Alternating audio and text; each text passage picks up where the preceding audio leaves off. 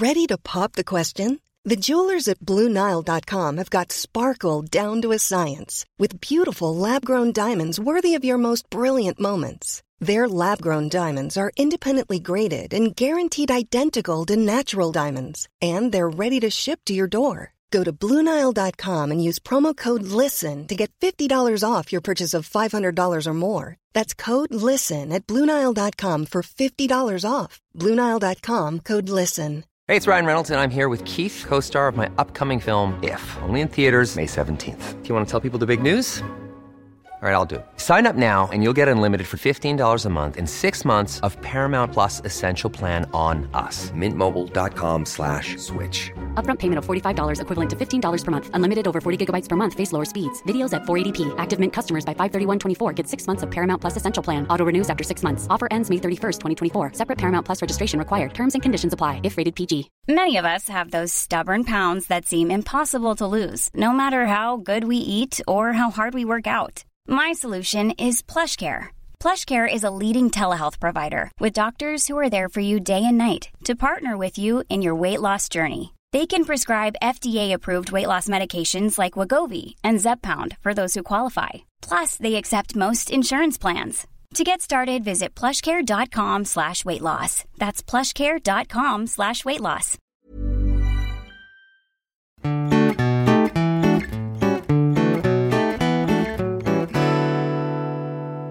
Hej och välkomna till Mord i mina tankar med mig Amanda och med min vän Jessica! Jessica. Men det har jag tänkt på, jag säger alltid ditt namn igen efter att du har presenterat dig. Har du tänkt på det? Nej. När det är jag som börjar så säger jag hej och välkommen och så säger du Jessica och så säger jag Jessica. Ja. Jag gör om ditt namn. Jessie Cat. Ja. Sån är jag. Ehm, hur är läget? Det är bra. Jag har precis fått mat av Carl. Din eh, Casanova. Casanova. Yeah. Ja, det var gott. Ja, det var riktigt gott. Ehm, vill du berätta typ lite vad du jobbar med nu och så kanske? Kanske det. Vi har faktiskt ändrat lite i våra Liv. liv. vardagliga liv. Ja, men jag har ju börjat jobba på tingsrätten här i stan. Yes. Som notarie, som det heter. Det är typ domstol, eller domarassistent är det typ. Som man ska lära sig. Det är typ en utbildningstjänst. Men skitkul. Ja, jättekul. Jag har typ precis börjat. Jag håller på på andra veckan nu. Ja, du har varit rätt intressant. trött i huvudet efteråt ju. Det är mycket nya grejer att lära sig ju. Ja, jag har varit supertrött i huvudet. Det känns som jag har gått en, ett mästerskap i schack. Eh, ja. Eh, ja, Hur är det med dig? Jag har ju också ändrat lite. Jag jobbar ju inte längre, eller jo, jag jobbar lite, men jag har tagit tjänstledigt och nu pluggar jag till mjukvaruutvecklare. Och hittills är det roligt. Det är jättebra. Ja, jag är lite sådär. Jag tycker det är synd att jag hade ju sett fram emot att liksom gå iväg och grund alltså den grejen, träffa lite folk och sådär. Men eftersom det är corona så sitter jag hemma och klappar på mina katter under tiden och eh, har liksom, ja, det är ju via Teams. Så. Via webben. Via webben. Men eh, det är roligt ändå. Det funkar bra. Ja, det funkar bra. Och så jobbar jag lite extra. Ja. Så det, för det gillar jag ju. Jag gillar ju att jobba. ja. Ja. Och så arbetar du ideellt med vårt Instagramkonto. Och ja, och redigera podden som vi, jag gjorde typ halva natten igår. Ja. Tills idag. Efter att ha jobbat kväll och ha föreläsningar hela dagen idag. Men det gick bra. Jag glömde klippa bort lite grejer. Ja. Men, eh, ja vad fan. Var... Det var ingen som dog. Av det här, nej. Nej. Nej. Det lät som att du gjorde något annat som fick någon att dö. Ja, men jag tänkte, vi pratar ju om folk som... Ja, ja. Ja, nej men och sen, jag har en sak att säga här nu. Jaha, är det därför du har ditt block i knät? Ja. Ja. nej, jag tänkte bara säga att vi har ju fått lite kritik för att eh, vi är lite flamsiga. Så vi får liksom cut the crap. Nej. Nej men alltså, vi får ju, men vi, vi får ju ta till oss lite av det. Ja. Ja. Så vi får ju, men alltså vi, ju, vi vill ju prata lite med varandra så som vi gör. Men eh, vi har ju varit lite flamsiga så vi håller ju med. I alla fall jag. Jag håller med. Jag håller med dig du lilla människa som sa det. Nej, jag har inte varit ett dugg flamsig. Jag tycker jag har varit oerhört seriös. Ja. Nej, men ja, det kan absolut vara lite flamsigt ibland. Ja. Men eh, vi är ju inte heller någon P3-dokumentär. Fortfarande nej. nej. Men jag vill bara säga att jag uppskattar i alla fall kritiken så kom gärna med mer. För jag tycker det är bra. Och gillar man oss kan man ju jättegärna sätta fem stjärnor på typ podcaster. Ja, jättegärna. Ehm, Helst inte en stjärna för då blir vi lite ledsna faktiskt. jag tycker det är helt okej om man skriver varför. Ja, det får man göra då. Men eh, alla andra som vill får jättegärna sätta fem stjärnor. För det känns som att det är många, det är i alla fall väldigt många som har skrivit till mig och tycker att det är bra. Och bara, åh det är jättebra. Men eh, det känns som att, Man får skriva om man tycker det är jättebra också. Det är också kul att höra faktiskt. ja Alltså självklart. Ja, jag menar det. Så om man tycker det, vilket folk ändå har gjort eftersom de har skrivit det till mig i alla fall. Så sätt gärna stjärnor, för det är jättekul. För oss. Det var din mamma som sa det. Va? Jag skojar. Ser inte så chockad. Ja. All right. Du tycker det är dags nu? Yes. Jag kan hålla med. Okej. Jag börjar här och nu. Ehm, 1909 så föddes en liten gasse vid namn Gunnar Bengtsson. Låter Jag svennigt tänkte tänker du. säga det, det låter svenskt. Ja, det är det med. Välkommen till Mord i mina tankars första svenska fall. Ooh. Ö, ö, ö. Så tänker man kanske att det är ganska gammalt eftersom han Ja. eh, föddes 1909. Men han föddes 1909. Han, eh, han, eh, vad heter det, han begick inga mord då. När han föddes, nej. Nej. Och att födas är inte brottsligt vad jag vet. nej. Eh, och han överlevde även spädbarnsåren har jag skrivit. Vilket det känns ju jätteonödigt att prata om honom annars. Alltså vad fan är det som händer nu? Jag vet inte, det vart, jag gick ifrån manus och det vart åt helvete. Jag har inte skrivit kränkande kommentarer om spädbarnsdödlighet i manus. nej. Nej men ja. Gunnar Bengtsson föddes som sagt 1909 i en liten by utanför Söderhamn. Söderhamn ligger typ ovanför Gävle, halvvägs mellan Gävle och Hudiksvall. Jävlar har man varit mycket. Ja, I alla fall jag. jag vet inte, alla. Nej. Vi som håller på Brynäs har väl. Ja. Avslöja inte sånt, vi kan få hotmail.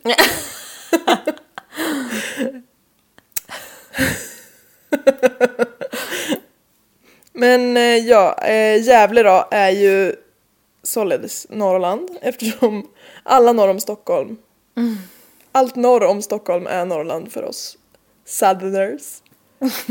Okej. Ja. försök, försök inte säga att du kan annat. Men om man liksom mm, sökte på Google Maps på Söderhamn, vilket jag var tvungen att göra för att se vart det var någonstans, så fick man direkt liksom upp vart McDonalds och den lokala jazzparken ligger i förhållande till varandra. Jazzpark. Ja, en liten Det jazzpark! lät härligt. Ja, men visst lät det lite härligt. Det är ungefär 19 minuters promenad emellan. Och i norrländska mått är ju det ungefär som att gå till toaletten på morgonen. Det är så nära. Ja. Absolut. Ja. S- ja. Fatta vad nice. Svira runt efter corona såklart. På jazzparken, ta fyllekäket på Donken och sen gå hem. Ja. Jag vet ju dock inte vart folk bor. Nej, usch, jag gillar inte Men jag har ja, ja. planerat en utekväll för oss i Söderhamn nu. Okej, men jag vill inte äta på McDo- McDonalds. Men jag kan, eh, jag kan äta gräs från parken. Något. Ja, det fanns säkert något annat i närheten också. Jag, jag, jag kan utvidga konceptet. Men tillbaka till Gunnar då. Jag har sagt tre gånger nu, eller nu när jag säger det nu, så föddes han 1909. Ja. Så om någon inte har hängt med på det här är det inte mitt fel. Nej. Men han växer upp utanför Söderhamn. Eh, en ganska vanlig kille, lite blyg och tillbakadragen. Men samtidigt så sa folk att han var snäll och hjälpsam. Hans föräldrar hade ett litet torp med ett litet tillhörande jordbruk som Gunnar tidigt fick hjälpa till på. Efter att han hade gått ut folkhögskolan så fick han hjälpa till på gården på heltid. Det är ganska tufft jobb liksom på en gård.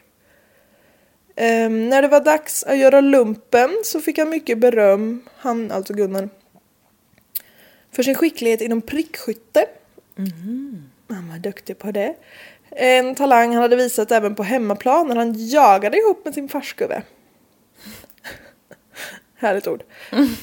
Under tiden i, i, det här, i det här militära så träffade Gunnar en kvinna som han blev mycket förälskad i och inledde en relation med. Tyvärr så slutade den här, eh, vad heter det, relationen ganska abrupt. Då kvinnan var otrogen mot Gunnar. Aj då. Ja. Och då tänker du, ah, Stackars Gunnar. ja vad bra att du tänker så. Jag tänkte att du, med tanke på vad vi gör för podd, att du skulle tänka, där brast hon om livet. Men faktiskt inte. För rimligt nog så flyttade Gunnar hem till sin mamma och pappa istället. Istället för att mörda henne menar du? Ja. Det är bra Gunnar. ja. Jag tycker inte det är helt rimligt att flytta hem till sina föräldrar när man är vuxen. Men det är ändå rimligare än att mörda någon. Ja, men hur gammal, hur vuxen var han då? Och men han gick ju körde lumpen va, men då 18-19. Alltså typ 40 i våra mått mätta. Fan, va? På tidigt 1900-tal! Jaha, du menar så att då är man, ja okej. Mm, ja. Men nej, han var typ 18-19. ja. Han, han flyttade i alla fall hem. tillbaka. Det, ja, ja. Värre saker har väl hänt känner jag, men okej. ja, det var ju det jag sa. Han hade ju kunnat Ja, mörda ja. någon. Ja men vi är överens. Ja, vad skönt. Eh, livet rullar på på den här föräldragården. Gunnar hittar en ny flamma. Men även hon skuttar i säng med någon annan. Jaha. Han har, eh, han har den eh, förmågan att få folk att vilja ha någon annan. Det var ju hemskt. Ja, det var hemskt. Det Eh, kanske ligger hos dem. ja. Eller inte, vad vet jag. Nej, det, det är lite oklart. Jag vet inte hur Gunnar var som, som pojkvän. Men han drar sig i alla fall lite djupare in i en liten egen självisolering. Han tycker inte det är så jävla intressant med kvinnor längre eftersom de bara dissar honom typ. Så när Gunnar är i, eh, i 40-årsåldern kliver modern om hörnet, som är så fint att sagt. Hon, Hon viker hädan. hon viker härdan, hon drog en sista suck, trillade pinn, Ja, okej, okej. Fortsätt. hon dog, Ja. Ja. hon bragde, nej hon, Nej, nu. hon avled. Förlåt. Men på helt naturlig väg. Ja. Det känns ändå rimligt att säga det i just den här podden. Ja, men faktiskt. Mm, skönt. 12 år senare, när Gunnar är 52, så eh, går även pappan bort. Och då tycker Gunnar att det är dags att flytta hemifrån. Ja. Ja. För det finns inte så mycket hem att flytta ifrån. Jo. Eh, Men han köper i alla fall en egen liten gård i byn Bergvik som också ligger utanför Söderhamn. De flyttar inte så långt men ändå iväg. En solig sommardag den 10 juli på sitt 56 levnadsår. Det är alltså typ 1965 eller något sånt där. Jag kommer inte ihåg, men runt 60. Så står Gunnar ute på en åker och håller på med skörden när han ser en kvinna komma gående mot honom över ängen. Jaha. Han känner inte igen henne, men när hon kommer fram så säger hon att hon minsann har sett honom på en av hennes blomsteraffärer några år tidigare. Okej. Kvinnan presenterar sig som Cecilia Ekestang. Är det namn du känner igen? Nej. Nej. Bra. eh, Cecilia har tidigare bott i det här länet. Jag tror det var Hälsingland som var länet. Och hon tyckte väldigt mycket om liksom, naturen och området. Så hon var därför intresserad av att köpa en liten gård där. Och hon hade sålt eller tänkt att sälja sina två blomsteraffärer som han hade inne i Stockholm. För att starta en liten jordgubbsodling. Oh. Men min dröm. Ja. Och eventuellt även skaffa några får. Ja. Mysigt. Ja. Eh, Cecilia hade fått nys om att granngården bredvid Gunnars var till salu. Så det var därför hon liksom gick fram till honom där han stod och svettades ute på gärdet. För att få lite info om den här gården. Cecilia är då, eller ja, alltid sex år äldre än Gunnar. Och vid tillfället för deras första möte var hon 62. Så hon hade väl tänkt att dra sig tillbaka lite pensionsaktigt kan jag tänka. Men det är i alla fall kärlek vid första ögonkastet här. Väldigt bokstavligt. För Gunnar avslutar deras första möte med att säga Ja, det är väl dig jag ska ha. Just, absolut inte säker på den dialekten men jag, jag hade nog inte uppskattat om någon, om någon hade sagt så till mig. Men, nej. men eh, det kanske gick hem hos, hos Cecilia. Ja, men jag tänker att det är lite gulligt. Om hon var jättekär i honom, då är det Men man, gulligt. kan, man kan inte vara jättekär i någon när man... Blixt, jätteblixtförälskad kan man vara. Ja. Sådär som man bara blir när man ser en snygg kille på krogen. ja, okej. Förneka inte. Ja, ja. Men i alla fall Cecilia köper den här gården. Och eh, granngården till Gunnars alltså. Och till en början så går hon över till Gunnar för att hjälpa honom med diverse små saker och bara är allmänt trevlig. Och hennes be- besök blir snart ganska så mycket tätare. Och efter en vecka bestämmer de sig för att slå sina påsar ihop. En vecka. Ja, det går snabbt. Ja, det är snabba ryck här. Cecilia passar samma dag på att fråga Gunnar om hon kan få låna 5000 kronor för att göra en avbetalning på den här gården.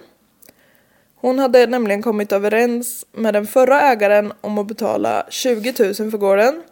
Och hon hade fått 12 000 för försäljningen av blomsteraffären i Stockholm. En snabbtänkt matematiker inser att 5 plus 12 inte är 20. Men släpp det for now. Eh, Gunnar lånar i alla fall ut de här pengarna. Men begär inget kvitto eftersom han och Cecilia har ju ändå tänkt att gifta sig snart. Så det var inget med det tyckte han. Eh, den 26 augusti 1965, ja det var 65. Kom ihåg då att de träffades för första gången den 10 juli. Och nu Vad var det för datum nu? 26 augusti. Oh, ja.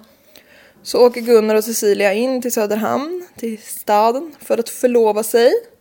Käka på Donken och svira runt i jazz- jazzparken. Nej. jag, jag bara knyter samman lite. ja, det är bra. Ja. I oktober så flyttade de ihop permanent så Cecilia slapp, ränna över gårdsplanerna. Cecilia flyttade över möbler och eh, annat, an, ja men alltså sina till, de flesta sina tillhörigheter till Gunnar. Gunnars hus. När november kommer, då har det ju ändå gått några månader, så tycker Gunnar att det är dags att gifta sig.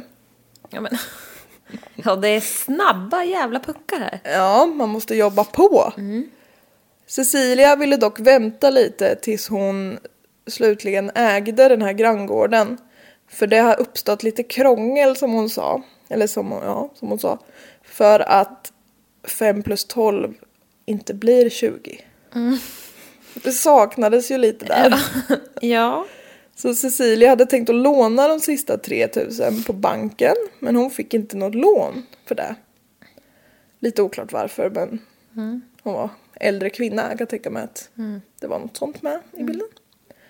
För att lösa situationen i alla fall så skrev de över hela granngården på Gunnar. Eftersom han hade pengar och de skulle ändå gifta sig. Och...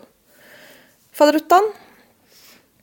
Men här någonstans så börjar det knaka lite i fogarna. Ganska rejält till och med. För runt midsommar 66, alltså året efter att de träffades, ganska exakt ett år. Så ska Gunnar, enligt Cecilia, jagat henne över en åker med en hacka. Oj. Så det låter Ja, det är, absurt. är inte bra. Det är inte bra beteende. Gunnar kontrar och säger att Cecilia vid ett annat tillfälle, orelaterat till det där med hackan, ska ha stulit ett frimärke från honom. Grovt. Ja. Ett frimärke som Gunnar hört på radion ska vara värt en halv miljon kronor. Oj! En svensk skilling banco från 1860-talet. Oj! Jag vet ingenting om frimärken men tydligen så kan de vara dyra. Jo, men det vet jag. Ja. Ja, det har man väl hört. Ehm, ja, men då, jag tänkte så här, hon tog, snodde ett frimärke för hon skulle typ posta ett brev. Och jag tänkte, oj då. Nej. Vad hemskt. Men det där var ju lite mer grovt. Ja. Ja. Men det är liksom inte bekräftat direkt att det var ett sånt där frimärke. Men han, han har bara liksom, ja men jag visste att det var ett sånt Ja, okej. frimärke. Han, ja, Så det är inget så här att han var känd för att ha ett så dyrt frimärke. nej. Men paret står i alla fall till slut inte ut med de här frimärksstölderna och hackjakterna. Hackjakt tyckte jag var ett ganska roligt ord. Ja, hackjakt. Eh, Då känner man här, det är ett varningstecken. Ja, det är starka varningstecken. Alla ni där ute som har en partner som jagar er med hackor, lämna omedelbart. Ehm, men det blir ett ganska så infekterat uppbrott det här. Gunnar anser att Cecilia ska ge tillbaka hans frimärke. Och medan Cecilia, som flyttat tillbaka till granngården igen, vill ha tillbaka sina möbler och smycken och annat sånt som nu är kvar hos Gunnar. Kanske ändå känns rimligt att hon vill ha tillbaka det. Cecilia vill även bli kompenserad för den delen av granngården här som man betalat för det är Gunnar som står som, Som ägare, på ägare den. nu, ja. Mm. Ja. Men eh, sitt frimärke troget då så vägrar Gunnar att ge henne sina möbler eller kompensera henne för gården. Eller några tillhörigheter. Hon kan glömma att få tillbaka dem innan han har fått sitt frimärke. Okej. Han är helt såld på sitt frimärke. Ja. De följande fem åren, alltså 67 till 71, så stämmer Gunnar och Cecilia varandra. Gunnar och Cecilia varandra till höger och vänster. Jaha. Gunnar stämmer Cecilia för frimärksstöld och sol och vårande. och Cecilia stämmer Gunnar för mordförsök. För Ja, hackan. hackan. ja. Och det är liksom flera olika mål som går upp i tingsrätterna. Men eh, det finns ju inga brottsliga handlingar som går att bevisa Nej. liksom. Eh, sen tror jag säkert att han jagar henne med en hacka, men you never know. Till slut så är det bara två twister kvar i alla fall. Jag tror de stämde varandra typ så åtta gånger så det var så olika grejer. Så, så de håller på som satan. Och det är inte bara han eller bara hon, utan båda två är liksom... Men då, alltså, då känner man sig, men ge sig. Ja, gå hem. Ja. Till slut som sagt så är det bara två twister kvar och en handlar om att Gunnar är skyldig Cecilia pengar för gården. Och den andra twisten är att Cecilia vill ha tillbaka sina möbler och andra tillhörigheter som hon har i hans hus. Tvisten om pengarna går ända upp till Högsta domstolen. Det är alltså tredje, tredje rättegången i samma mål blir det ju. Så det håller på. Eh, Men den om möblerna håller fortfarande på att förberedas i tingsrätten. Så de är lite i olika skeden. Gunnar här har i alla fall hållit på som tusan under liksom rättsprocessens gång och skickat in egna grejer till domstolen utan att fråga sin advokat. Det är liksom lite som att anställa en städerska men ändå går runt och städa lite själv. Han har i alla fall varit allmänt svinjobbig och tjatat om sitt frimärke på varenda liksom, rättegång även om det inte ens har handlat om den. ja. Men eh, han har därför bytt advokat cirka 478 gånger. För att han är så jobbig och de orkar inte med honom. Mm. I slutet av februari 1971 så kommer högsta domstolen med sin dom. Och de dömer att Gunnar ska betala 11 000 i skadestånd till Cecilia. Samt att han ska betala hennes rättegångskostnader på strax över 20 000 kronor. För så är det när man förlorar i rättegångar i Sverige. Tvister så. Att om jag förlorar så betalar jag också för dina rättegångskostnader. Så totalt har hela kalaset, för han måste ju även betala sina egna rättegångskostnader. Så det har gått på 50 000 för Gunnar. Vilket i dagens penningvärde är 380 000. Det är svindyrt. Och det här är bara för det här målet. De har ju hållit på innan också. Ehm, så Gun Gunnar. Gunnar var såklart ett hårt slag för domen. domen var såklart ett hårt slag för Gunnar. Ja. Han kände sig lurad av hela svenska rättssystemet och eh, tyckte att det här, det funkar ju inte. Vad, även fast jag har rätt så förlorar jag. Och, alltså, så, och blev jättebitter och missnöjd och gick runt liksom på byn och bara rrr, gubba sig. Bröla. Exakt. Han skickade även ett brev till Högsta domstolen där han förklarade detta. Hur, ja, det är på så gammelsvenska så jag brydde mig inte om att skriva med men det är väldigt så här Ja, så som ni håller på och försätter en hederlig man i denna sits och la da da. Han är jättebitter. Samma dag som han postade det här brevet i alla fall, den eh, 1 mars 1971, så skulle han på en sista muntlig förberedelse i Söderhamn innan huvudförhandling i tvist gällande Cecilias möbler och tillhörigheter. Eh, muntliga förberedelser har man innan det blir riktig rättegång om man säga. För att se ifall parterna kan komma överens utan att man tar the real deal. Okej. Man försöker eh, komma överens helt enkelt. Vad heter det? Eh, jämkas, alltså så. Så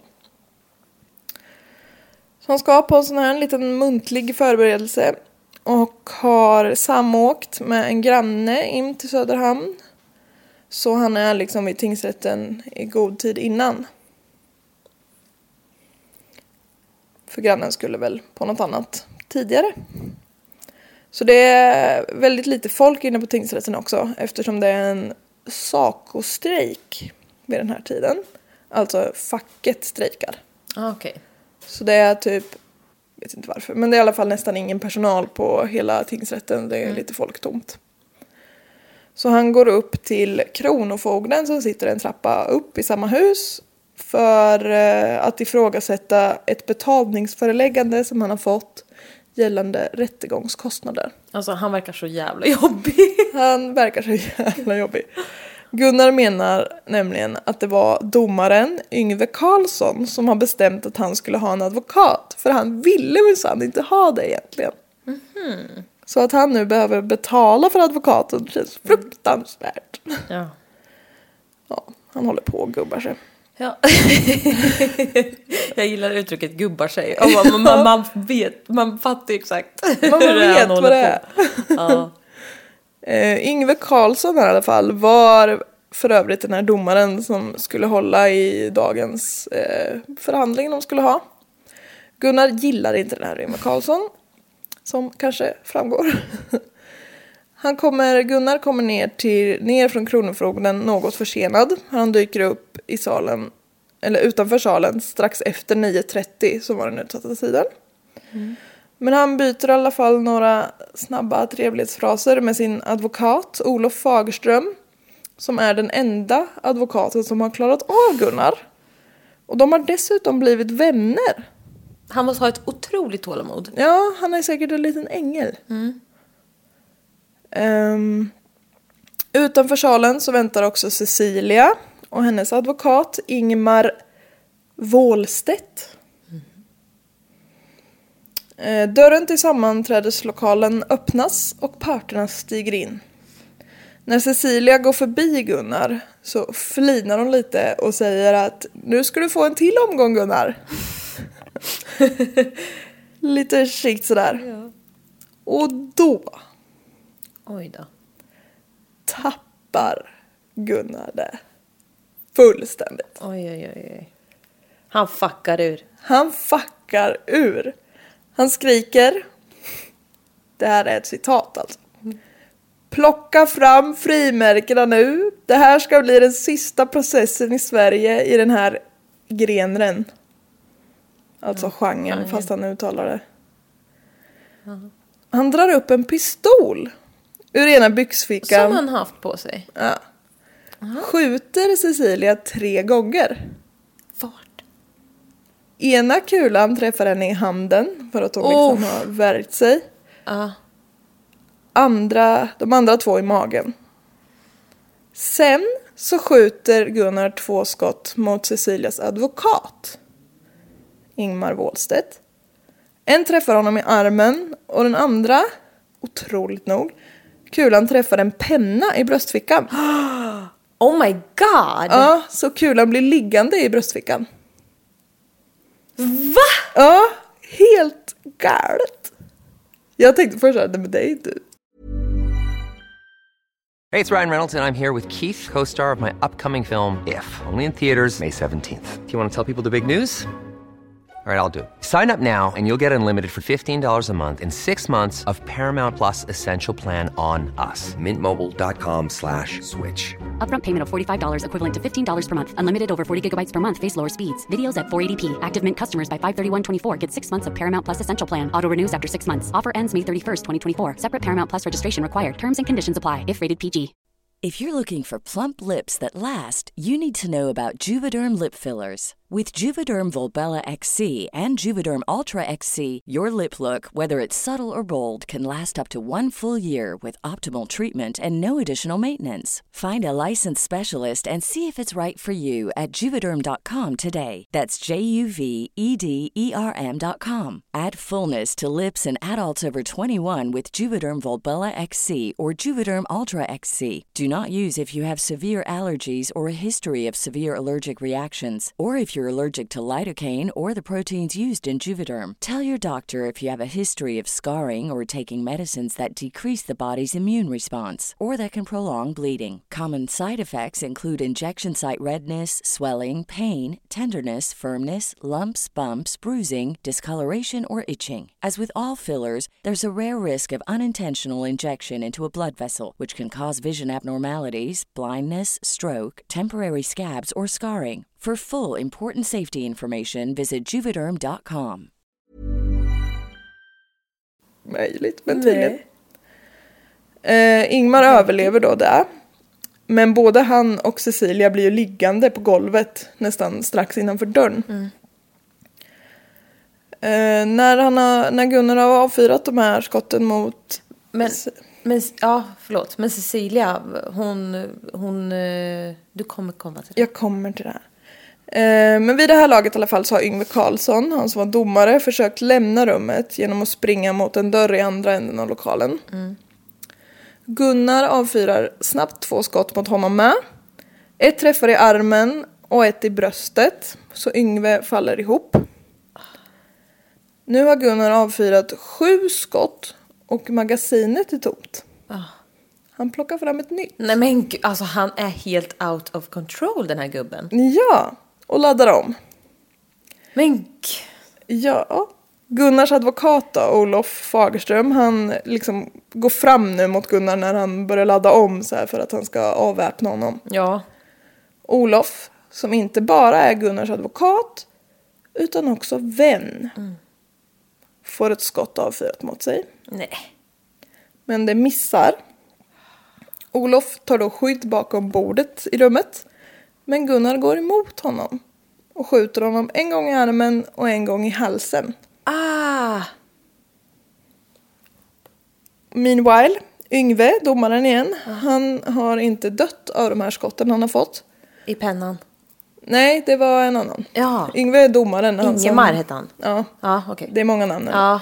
Men Yngve, han har lyckats krypa ut i korridoren. ja, just precis det. Det var utanför. domaren sa ja. Den, ja. mm. Han sprang mot en dörr Yes, och han ja. Mm. har lyckats krypa ut nu. Men rosslande så har han blivit liksom segat ihop och blivit liggande. Gunnar går efter men konstaterar ganska snabbt att Yngve är död. Och liksom har sagt senare att det fanns ingen anledning att slösa mer kulor där. Men alltså, han, är, han har tappat det. Han har tappat det. Och det är inte slut än. Herregud! Alltså det här barkade inte som jag trodde. Nej. Han går tillbaka in i salen för att dela ut vad han senare ska kalla nådaskott. Han skjuter ett skott i ryggen på Cecilia. För att se till att hon verkligen är död liksom. Ja. Advokat Ingmar Wåhlstedt då, han med kulan i fickan, han är ju inte död. Så han, liksom, när Gunnar kommer fram så sliter han tag i vapnet. För att ja, få honom att släppa det. Och delar av pistolen ramlar bort. Men det går fortfarande att använda. Nej. Så Gunnar skjuter Ingmar i huvudet. Nej.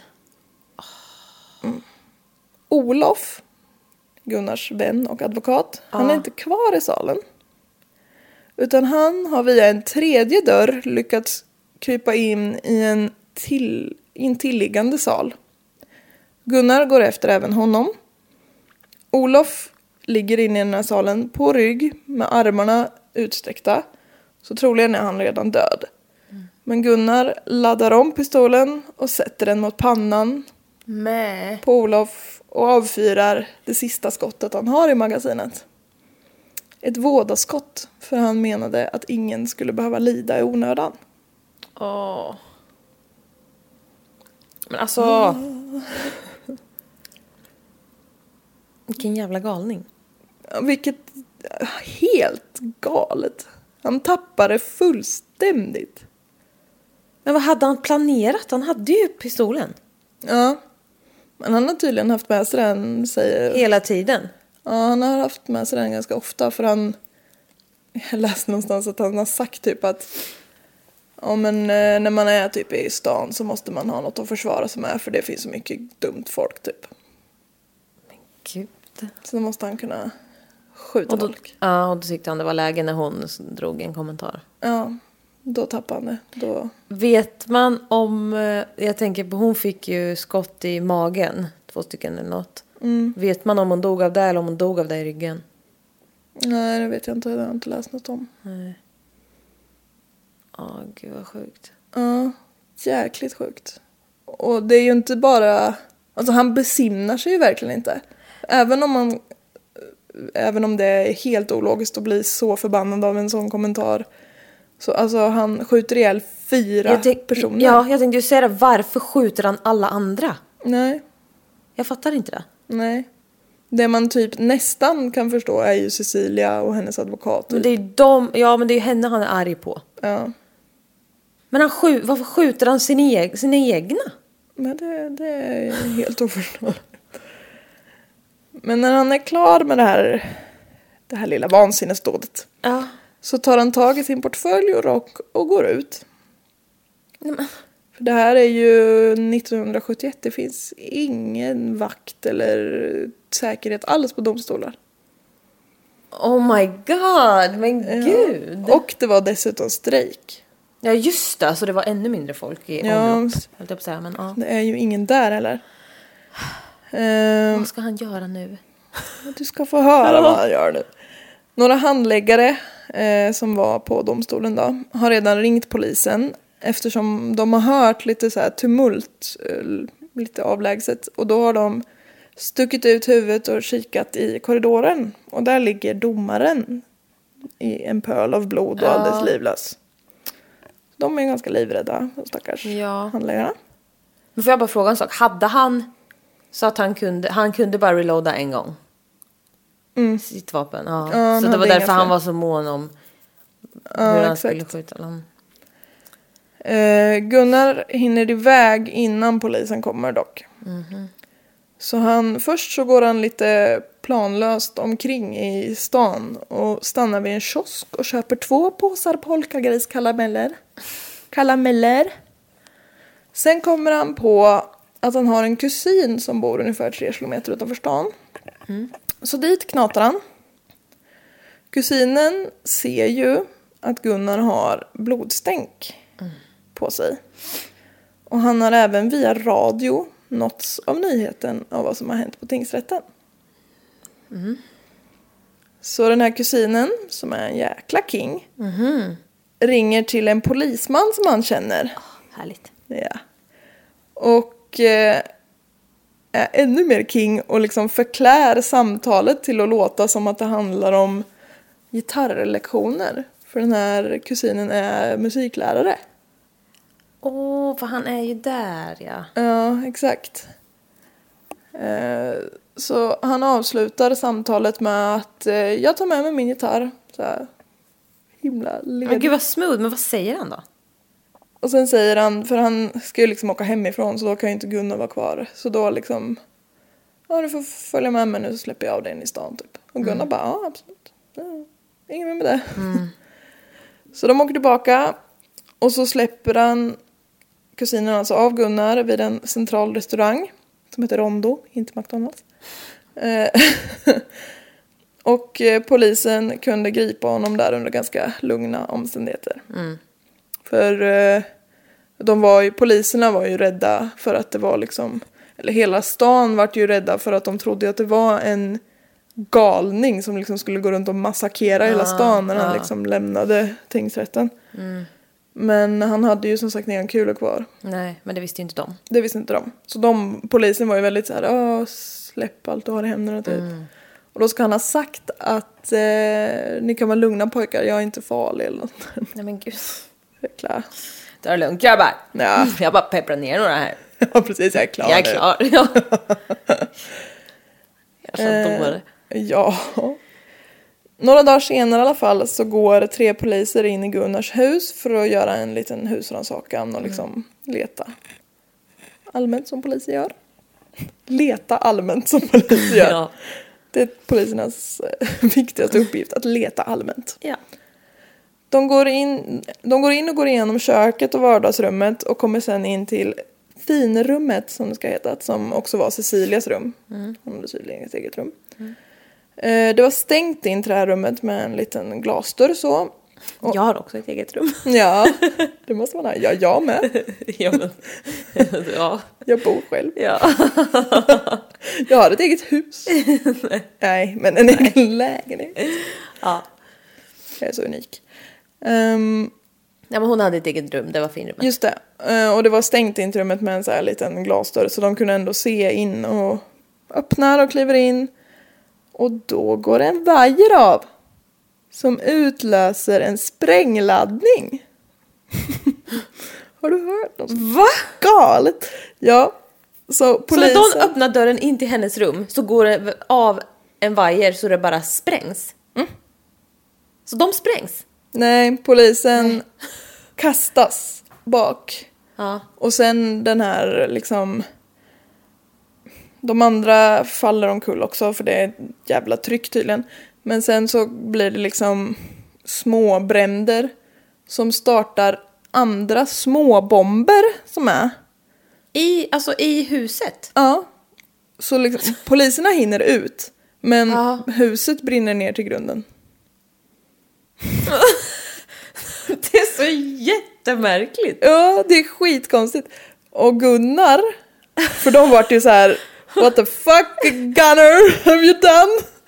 Och han bara Ja nej det där är Cecilia som har satt upp typ.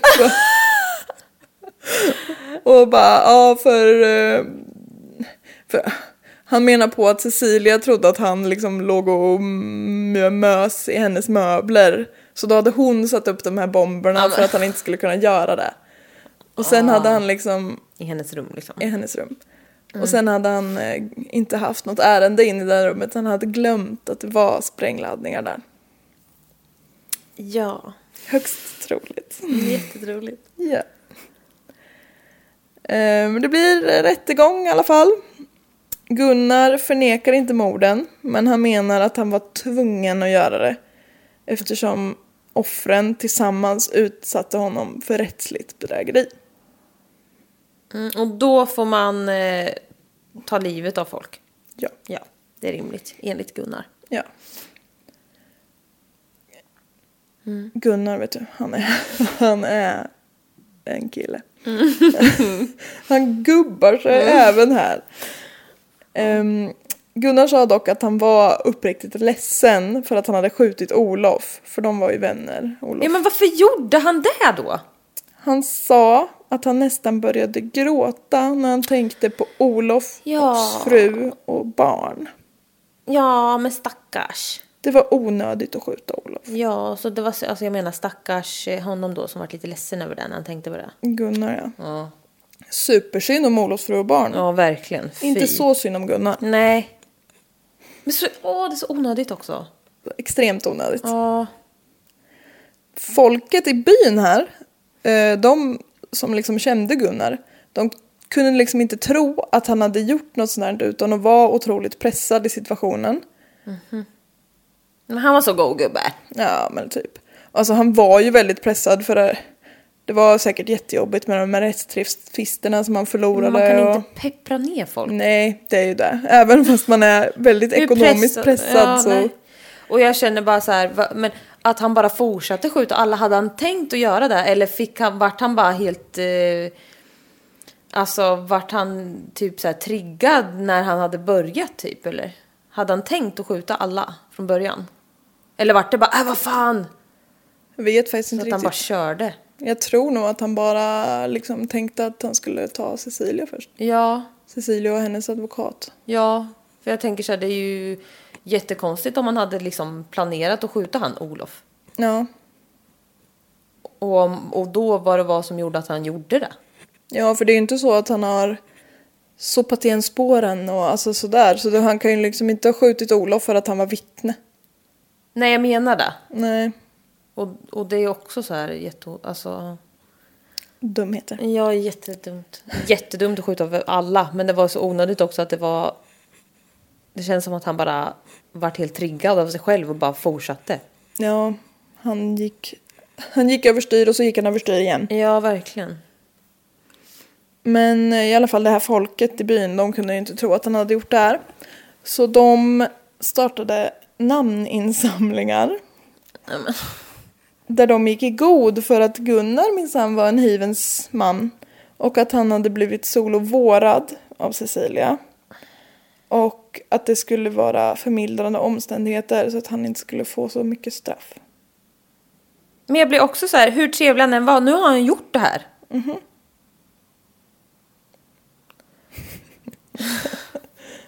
Din blick säger allt. Ja. Gunnars advokat yrkar också på att Gunnar skulle dömas till dråp istället för mord.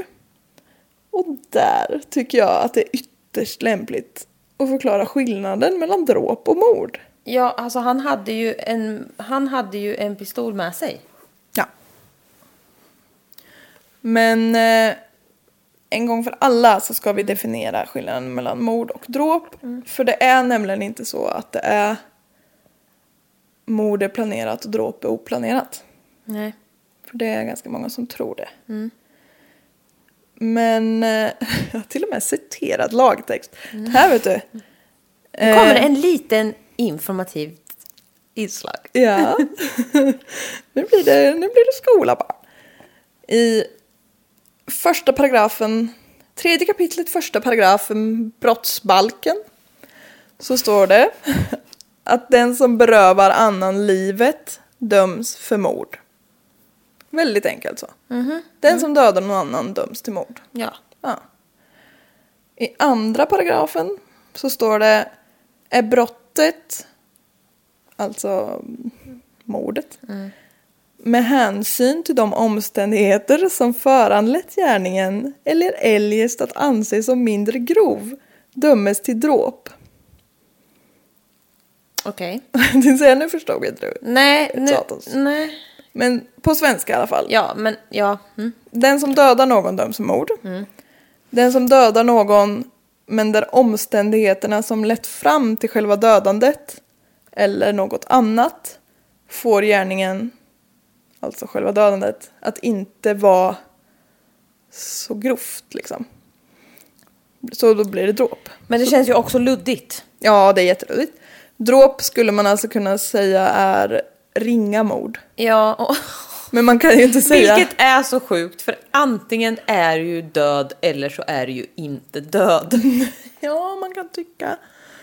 Ehm, Men som planering, som många tror är det enda, men det är såklart att det kan vara en del i det. Ja, För om jag har planerat i flera månader och liksom då är det ju synnerligen grovt. synnerligen grovt. Ja, men precis. Ehm, Men det skulle också kunna vara så att man dödar någon liksom i överdrivet självförsvar. då blir det också dråp. Ja. För att du liksom inte... Ja, det blev lite väl grovt. Och det kan man också säga att ja, du hade inte planerat att döda honom men det är inte det. Nej. Utan då är ju det förmildrande att det var att jag hoppar på dig först. Och så slår du tillbaka så jag dör. Mm, det kan också vara typ att du dödar någon som har misshandlat dig psykiskt under väldigt Mm, många vet du vad år. jag tänkte faktiskt på det? Typ i uh, någonstans, vet inte, när någons eh, typ uh, någons dotters våldtäktsman eller något slog han ihjäl. Exakt. Så blev han friad. Och jag bara kände så här, Ja, ja men du vet, ja. det hade fan. nog aldrig hänt i Sverige. Men, Nej, såklart inte. Han har ju gjort det. Men, Ja. men jag, men det är nog också en ganska tydlig sån som skulle kunna göra att det blir dråp. ja precis, att det, att det blir dråp och inte mord. Ja. Ja. Det är inte helt hundra för det beror ju, alltså det beror ju på. Det Nej men du fattar, då har man, han hade ju aldrig dödat någon annan. Alltså så här, Nej, precis. det är ju en tydlig grej som ledde fram till det. Ja, Ja, och då kan det bli lite förmildrande. ja Eh, det är rimligt ju. Ja, Ja. absolut. Och sen, ja men jag har haft det som exempel här också att du stöter på din våldtäktsman på stan och typ torterar ihjäl honom. Då, blir, då blir det ju mord ändå. För att du har använt alldeles för mycket våld. Så bara för att han, är, han har gjort dig så extremt orätt så får du inte vara hur grov som Nej. helst. Du får inte döda honom överhuvudtaget men du får absolut inte... Man får inte våldta någon heller. Nej. Gör inte det här så svårt nu. Man får inte göra någonting. Man får göra jättemycket saker men inte... Mot andra. Nej. Man får göra jättemycket saker mot andra men bara snälla saker. Ja. Det var min lilla... Känner du att du är på det klara med vad som är skillnaden mellan mord och dråp? Ja. Ja, skönt. Då har mitt syfte med denna dagen fulländat. Ja men man har ju ändå... Man pratar ju om mord som att det är planerat och överlagt och allt sånt där. Men det behöver det ju inte alltid vara. Nej, nej det behöver det inte vara. Mord kan ju också bli, ja men som sagt att man använder alldeles för mycket våld. Så det kan ju vara att jag bara går ut på gatan och börjar råpuckla på någon. Oh, på tal om... Ja, Ja, jag var klar. Ja, eh, på tal om det så eh, håller vi på, jag har ju på Viaplay de här eh, i huvudet på en mördare och eh, svenska fall och så. Eh, jag, har, vi har, jag har ju plöjt lite som jag hade. Har du tittat utan mig? Jo, vi, vi tittade lite utan dig. Men jag har fortfarande, vi har Viaplay så vi kan kolla också. Men eh, då kollade eh, vi härom kvällen på alltså den fruktansvärda människan som eh, alltså verkligen alltså slog ihjäl Lotta Rudholm. Har du, känner, Mm, nej, jag känner inte igen. Nej, alltså det finns, eh, jätte, det finns eh, Rättegångspodden har något. Alltså det är så fruktansvärt. Alltså du, vi kan kolla på det. Vi kan kolla på det igen. Eller ja. Eh, för alltså det är så fruktansvärt. Och det är ju verkligen så här. Och då, och då minns jag just det här som, du, som vi var inne på nu. För då var det ju en polisman som pratade om det. Och den här snubben. Alltså han slog ihjäl henne med sånt otroligt övervåld. Eh, med, med sina bara händer. Inget tillhygge, ingenting. Och liksom han som gick in där och skulle liksom titta på henne och se ansiktet. Han bara, det fanns inget ansikte att se. Och, ehm, och sen så gick han ut och fick prata med den andra. För han sa det, jag, jag går inte in dit igen liksom. Jag pallar inte det. Det får, det får min kollega göra liksom. Och, ehm, och då hade den här gärningsmannen, då, han hade sagt så här, ja ah, men vadå, det, jag vet hur det här går till. För han var tidigare liksom, straffad och allt sånt där också innan.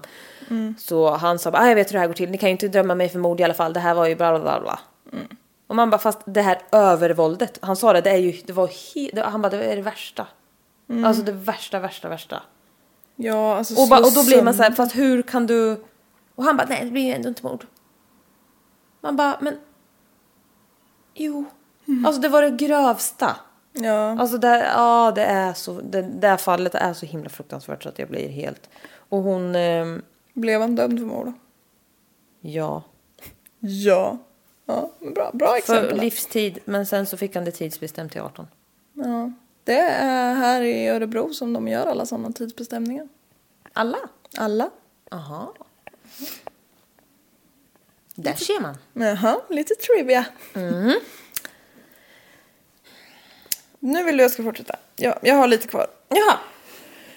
Eh, trots att advokaten, byborna och den oerhörda sorgen som Gunnar kände över Olof och sina frimärken så dömer rätten Gunnar för mord och olaga vapeninnehav.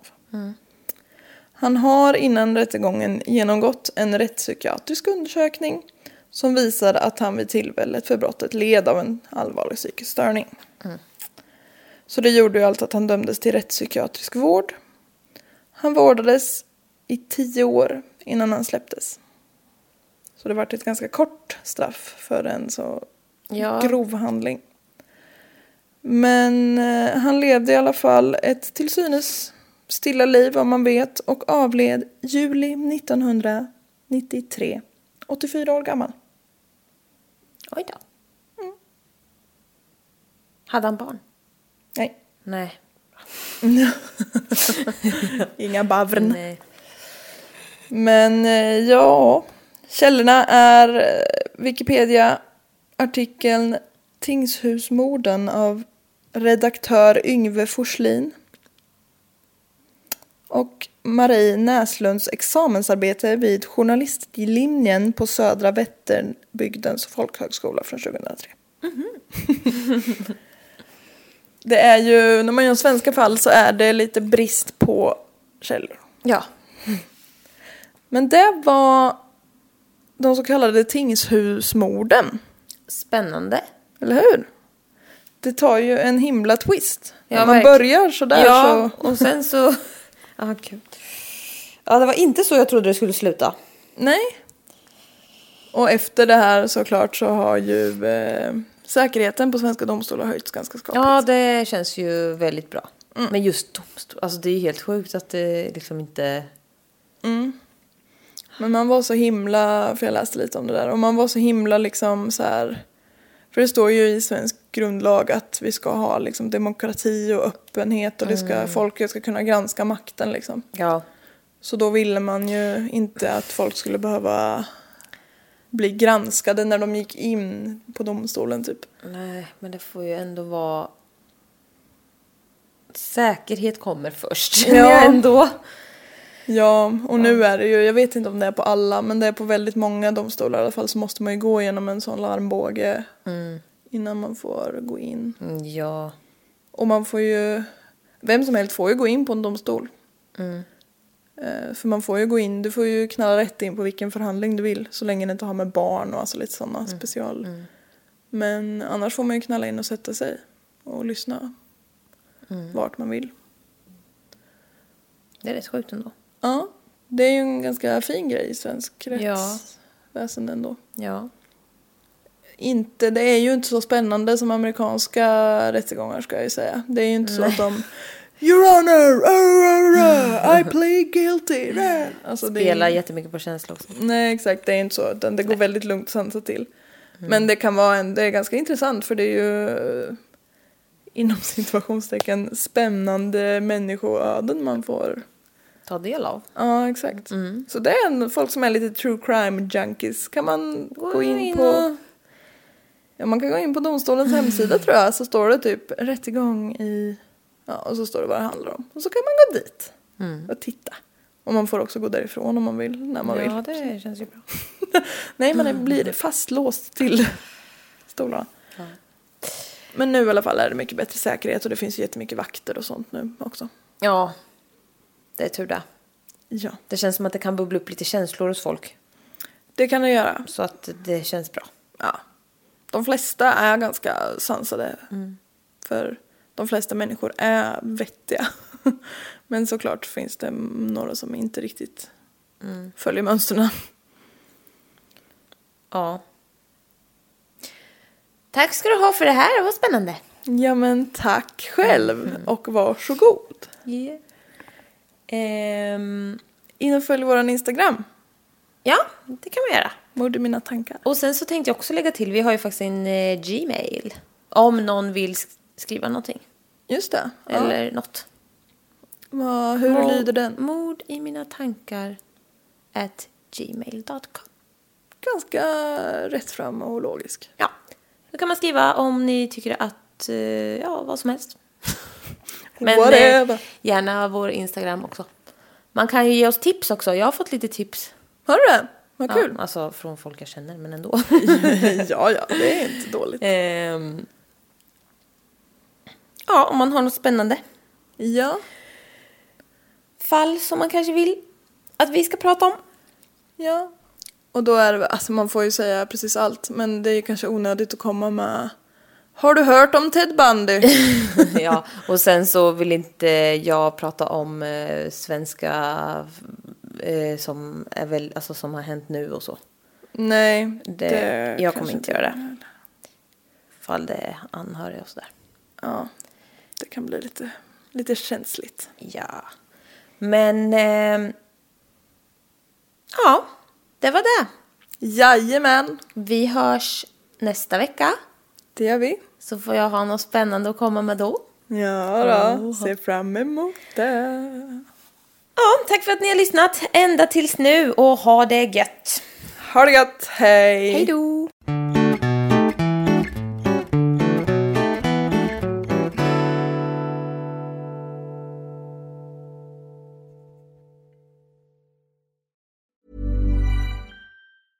Hey, it's Paige DeSorbo from Giggly Squad. High quality fashion without the price tag. Say hello to Quince.